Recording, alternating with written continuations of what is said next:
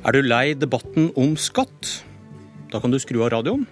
Men er du typen som tenner på to nyanser av blått?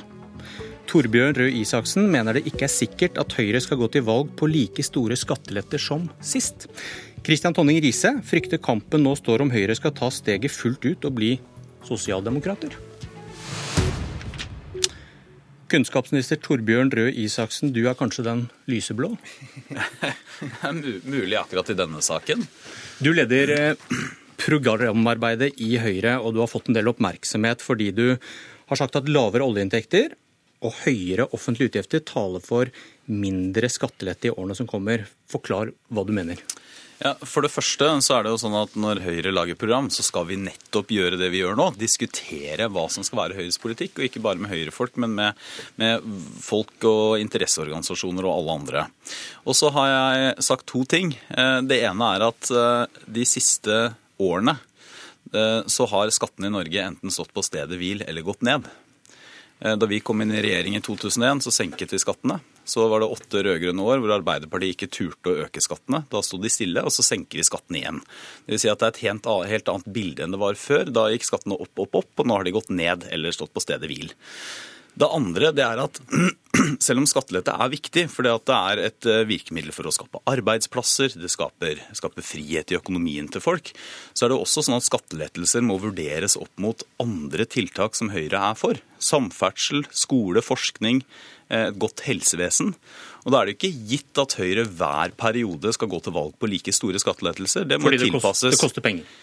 Ja, altså kost, I betydningen at det, det, koster jo penger på kort sikt, i hvert fall. Så er det mye som tyder på at med en god skattepolitikk så får man også økte inntekter igjen.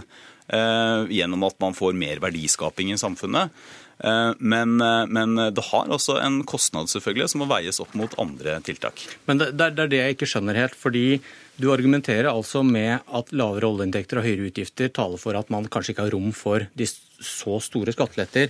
Men så hører jeg da, som du nå også sier i en bisetning, at Høyre i regjering sier at skattelette fører til vekst. Man baker kaka større. Man får mer igjen enn det koster. Og da er det vel bare å fortsette? Jo, men det her er det, som alt annet i politikken, så er det jo en balansegang. Eh, og det er, eh, det er, er sånn at eh, du kan, ikke, altså, si, helt... du kan ikke si begge deler, at dette er for dyrt, jo, men, men, vi får jo, for... mer igjen enn vi bruker. Jo, man kan gjøre det fordi det er en balansegang. For det er ingen i Høyre som vil, vil si at hvis vi bare altså, vi halverte statsbudsjettet og ga alt i skattelettelser, så ville vi få alle de pengene tilbake igjen. Eh, men samtidig så er det jo god dokumentasjon for at, for å ta det mest banale eksempelet, det er helt åpenbart at hvis du øker skattene nå for bedrifter som sliter, så vil det gjøre det vanskeligere for dem. Eh, det er åpenbart også at når vi nå skal gjøre noe med selskapsskatten f.eks., altså bedriftsbeskatningen i Norge, så gjør vi det fordi bedriftene vil bli tryggere, vi får større sjanse til å bevare og sikre arbeidsplasser. Men så kommer vi i en spesiell situasjon de neste ti årene neste 20 årene også. Vi har nå hatt ti år med gullalder i norsk politikk, hvor norske politikere, selv om det har føltes tøft for oss av og til, i realiteten alltid har hatt mer penger å bruke på det meste. De neste ti årene blir annerledes. Og jeg mener Den viktigste prioriteringen til Høyre, det viktigste vi må sørge for, det er å holde orden i økonomien og holde de offentlige utgiftene på et ansvarlig nivå. Altså holde de offentlige utgiftene nede. Og Da må vi også ta diskusjonen om hvor store skattelettelser vi skal gi. Jeg sliter fremdeles litt med å få det til å henge sammen. for hvis, hvis det stemmer det dere er det, er det kanskje det at dere sliter med å bevise disse dynamiske skatteeffektene. Nei. At man baker kaka større. Nei, og Derfor er det ikke så lett. For, for hvis det hadde vært riktig, ja. så hadde det jo ikke vært dyrt. Det hadde jo vært en kjempegod investering å gi, fortsette å gi skatteletter fordi du får mer igjen. Eller er man ferdig jo, man... det er ikke, det er ikke, altså Her er det jo, spørsmålet for Dette dreier seg også om hvilke skatteinntekter du får igjen. Eh, og dynamiske effekter av skatteletter betyr ikke at du får igjen like mye som det uh, utgiften har vært for statskassa. Men det fører også til arbeidsplasser og Det fører også til arbeidsplasser og økt verdiskaping. Og det har jo alltid vært et viktig poeng for, for Høyre. Men det er jo en grunn til at Høyre mener jo heller ikke i dag at hvis du hadde hatt fire ganger så høye eller fem ganger så høye skatteletter som vi har, uh, gitt i denne denne perioden, så ville man automatisk fått fem ganger så høy verdiskaping. Det er jo et absurd resonnement. Så hele tiden så må de politiske løsningene balanseres. Og så kommer vi inn i en annen situasjon de neste ti årene. og Produktivitetskommisjonen har jo sagt at med, med bare en videreutvikling av dagens velferdsnivå og, og, også mange av de ineffektivitetene som vi har i dag, så må vi, ser vi på skattenivåer om 10-15-20 år som kanskje nærmer seg 50-60% Altså Kampen mot høyere skatt kommer med nødvendighet til å bli enda viktigere de neste 10-15 årene. Eller kanskje det er som LOs Vegard Harsvik hevder, at du tør ikke snakke så høyt om skattelette lenger fordi det er så upopulært? Det er sjelden som LOs Vegard Harsvik hevder. Heller ikke i denne saken. Han er ikke her, men det er du, unge Høyre-leder Christian Uten sammenligning for øvrig. Uten sammenligning for øvrig. Nå står jo nesten kampen om hvorvidt Høyre skal ta steget fullt ut og bli sosialdemokrater sa du til Klassekampen da du ble intervjuet om Røe Isaksens tanker? Ja, nå er jeg jo glad for å høre at Torbjørn sier at nå er spørsmålet om vi skal gi like mye skattelette eh, neste periode som vi ga i denne, og ikke hvorvidt vi skal gi skattelette i det hele tatt. For nå har jeg hørt noen Høyre-stemmer si liksom at kanskje er det bedre skatt og ikke lavere skatt som skal være Høyres sak eh, i neste periode. Og da ser jeg at da har vi kanskje mistet noe av, eh, av Høyres prinsipper. Men du ser Men, ikke noe rødskjær i jeg hører en rørsel i argumentasjonen hans som jeg syns er litt utfordrende. Jeg tror nok kanskje at eh, Torbjørn har gått litt i regjeringsfella. Når man eh, sitter som statsråd og hele tiden konkurrerer med de andre statsrådene om å få mest mulig penger til sine satsinger, så blir man litt mer glad i offentlige utgifter. Og da ønsker man helst ikke å eh, ta de pengene fra staten. Men jeg mener jo at Torbjørn er inne på noe av hovedproblemet her. Uh, og det at de siste, Han sa at de siste, vi har vært gjennom en gullalder i norsk økonomi, og at de neste 10-20 årene så blir det veldig mye strammere. Og det er jo Hovedproblemet er at hva er det vi har brukt oljepengene til i de her 15 årene nå hvor vi har hatt veldig mye penger? Ca. 80% av oljepengene vi har spyttet inn på budsjettet, har jo gått til økte offentlige utgifter. Og nå har vi noen år til nå med et handlingsrom. Altså Det er fortsatt noen år til nå før Norge går med budsjettunderskudd. Og Da er det veldig lurt å bruke de gode årene på ikke å skru opp offentlige utgifter enda mer. Men Hvor er det, det er hvor er det logikken hans brister med når det gjelder argumentasjonen rundt skattelette og om Høyre, hva Høyre skal gå til valg på? Jo, Den er todelt. For det første så mener jeg, så tror jeg fortsatt på Høyres politikk om at det å senke skattene er bra for Norge. At det at vi gjør det mer lønnsomt å skape arbeidsplasser i Norge, gjør det mer lønnsomt å investere i Norge, drive næringsvirksomhet i Norge, at det også er bra for norsk økonomi på lang sikt. Men så er det også det poenget mellom at hva skal vi bruke handlingsrommet på de neste årene?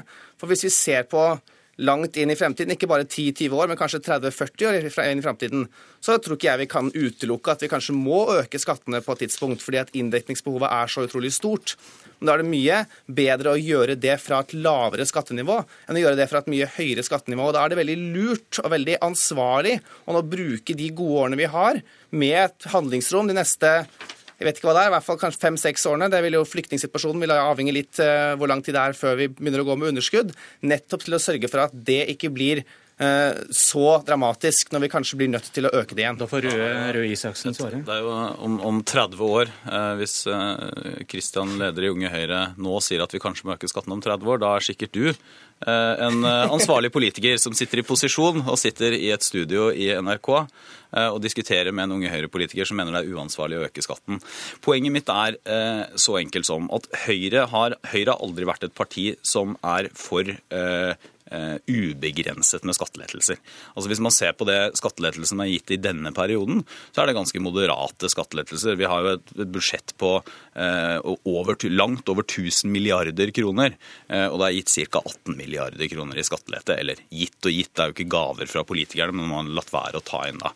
Eh, disse skattepengene. Men så må skatteletter hele tiden også vurderes opp mot andre viktige politikkområder, som også bidrar til vekst. F.eks. samferdsel. Eh, F.eks. at vi har et helsevesen skole, som gjør kanskje, eh, naturlig å nevne skole og forskning, innovasjon også. Så det mener jeg taler for det. Det andre er at vi vet at selv om vi ikke bevilger oss mer i nye velferdsgoder, som kommer til å bli mye vanskeligere i neste tiår enn det har vært det foregående tiåret, så kommer bare det å vedlikeholde Eh, statens forpliktelser kommer til å kreve mer. Bl.a. fordi befolkningen blir eldre. Nå får vi også flere innvandrere og asylsøkere, selv om vi strammer inn politikken. Alt det vil koste penger. Den siste tingen er jo at vi også må jo ta høyde for at det er en annen situasjon nå enn det var i 2001. Da hadde skattetrykket gått opp, opp, opp. Nå har skattetrykket alt i alt de siste tolv årene gått ned. Eh, takket være da borgerlige regjeringer. Vi har fortsatt et ganske høyt skattenivå i Norge. og Det er også sånn at OECD anbefaler også Norge å, å, senke skattene. Men jeg må bare si at jeg er helt enig at det er andre ting enn skattelette som også skaper vekst. Og eh, Hadde det vært opp til meg, så hadde også Torbjørn sitt departement fått mer penger. Men det er sånn at den norske staten driver også med en del andre ting enn skole, forskning, utdanning, infrastruktur og skatteletter. Og jeg tror at sånn i det hvis, hvis, hvis, Høyres budskap nå skal være at nå har vi ikke noe vi kan effektivisere, ikke noe vi unødvendig kan slutte med, så har vi jo litt lite å kjempe for. Ok, eh, Noe å kjempe for, eh, Torbjørn Røe Isaksen. Arbeiderpartiet vil ikke svare på om de vil gå til valg på å øke skattene. Og du mener Høyre kanskje bør dempe ambisjonsnivået noe. Da, da kan vi vel bare slå sammen Arbeiderpartiet og Høyre, for den store konfliktlinjen som dere krangler om hele tiden, den forsvinner jo da. Nesten. Det er, jo, det er, jo, veldig mange andre konfliktlinjer, men jeg mener det eh, altså, men Ser først, du poenget? Jeg, først, nei, jeg ser egentlig ikke det poenget. For først og, først og fremst så mener jeg at uh, Høyres partidiskusjon og diskusjonen når vi skal lage et program, må være åpent. Og da kan man ikke ta noe. Da må det være sånn at vi diskuterer alle delene av politikken vår. Det er det ene. Det andre er at uh, mitt poeng er vel først og fremst at Høyres program for neste periode må velgerne tenke at dette henger sammen. Eh, og Høyre må ikke være et parti som lover mer enn man kan holde. Jeg tror det er en av de tingene som folk har merket seg med denne regjeringen. At eh, i det store og det hele så har vi, har vi gjort det vi sa vi skulle gjøre. Og da må også skattelettelsene og løftene på det være tilpasset. Det er vel noen som kan innvende noe der med formuesskatt og litt sånn? Jo, men så, Nei, for det, ja, la oss ikke gå inn på detaljene i det, men jeg er ikke enig i resonnementet. Men så tror, jeg, så tror jeg at det er veldig god sjanse for at Arbeiderpartiet kommer til å gå for å øke skattene. Ja, det eh, håper vi sikkert. Kort Tonning Riise til slutt. Jeg er helt enig i at det er viktig at man ser et gjenkjennelig Høyre i 2017. Og da tror jeg at det norske befolkningen oppfatter som et gjenkjennelig Høyre, er et Høyre som mener at vanlige folk skal sitte igjen med litt mer igjen av pengene sine, og at det skal bli mer lønnsomt å drive næringsvirksomhet og investere i Norge. Det var skatt, men dere må bli sittende.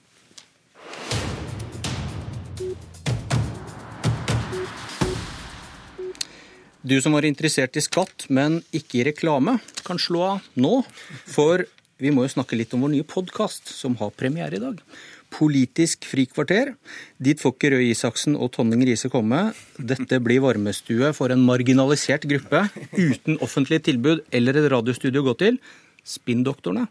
Så rådgiveren din er hjertelig velkommen, Røe Isaksen. Vi kan vinke til han, sitter ja. utenfor studiet. Ja.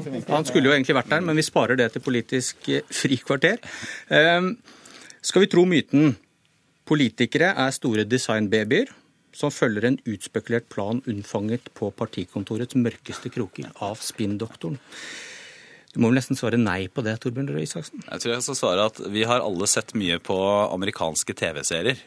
Så jeg tror det kommer mye derfra. Men det er ikke noe tvil om at norsk politikk har flere rådgivere og er mer mediastyrt og mer budskapsstyrt nå enn den var for 10-15-20 eh, år siden.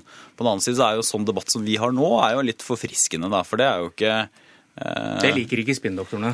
Nei, det skaper jo i hvert fall forvirring om Det at vi diskuterer åpent hva Høyres politikk skal være, jo, eh, skaper jo kanskje, vil jo kanskje en veldig streng spinndoktor si at skaper litt forvirring om hva Høyres politikk er, men det vil jo bli klarlagt før valget, da. Tonning Grise, hva tenker du om denne spinndoktormyten? Nei, i hvert fall det er et bilde som enkelte forsøker å skape om at det sitter noen sånne litt sånn marionettdukker i bakgrunnen og trekker i trådene og det egentlig liksom er en sånn konspirasjon som styrer Norge, det, det tror ikke jeg så mye på. Det det, det egentlig handler om, er jo, er jo politisk kommunikasjon. Eh, og i en hverdag som er eh, blitt veldig mediestyrt, og hvor du skal være tilgjengelig i alle kanaler hele tiden Det er jo ikke sånn lenger at avisa kommer på morgenen, liksom, og så tar redaksjonene er de ferdige klokka fem, og så liksom går man og venter på avisa neste morgen. Du skal være til stede hele tiden og mene noe om det aller meste. Og Da handler det jo om, som eh, med det meste annet, handler om hva er det som er dine styrker, hvordan kan du få de fram på en best mulig måte, hva er det som er motstanderne dine sine svakheter, hvordan kan du få belyst det. og da er det et apparat rundt som gjerne jobber med hvordan kommunikasjonen skal fungere. Hva er, det Eh, det er Magnus, er det Magnus Tue som sitter utenfor studio her kan, som ikke du kan, Røe Isaksen? Han holder orden i kalenderen min. Eh, Det er det ene. Nei, altså, jeg bruker jo, jeg bruker jo eh, Han er jo rådgiver i departementet, så jeg bruker jo han for å, eh, ja, til departementsting primært.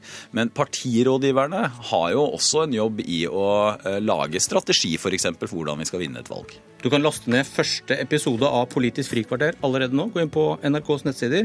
Kollega Astrid Randen møter Sigbjørn Aanes og Hans Christian Amundsen, to av de mest sentrale. Dette var Politisk kvarter. Jeg heter Bjørn Myklebust.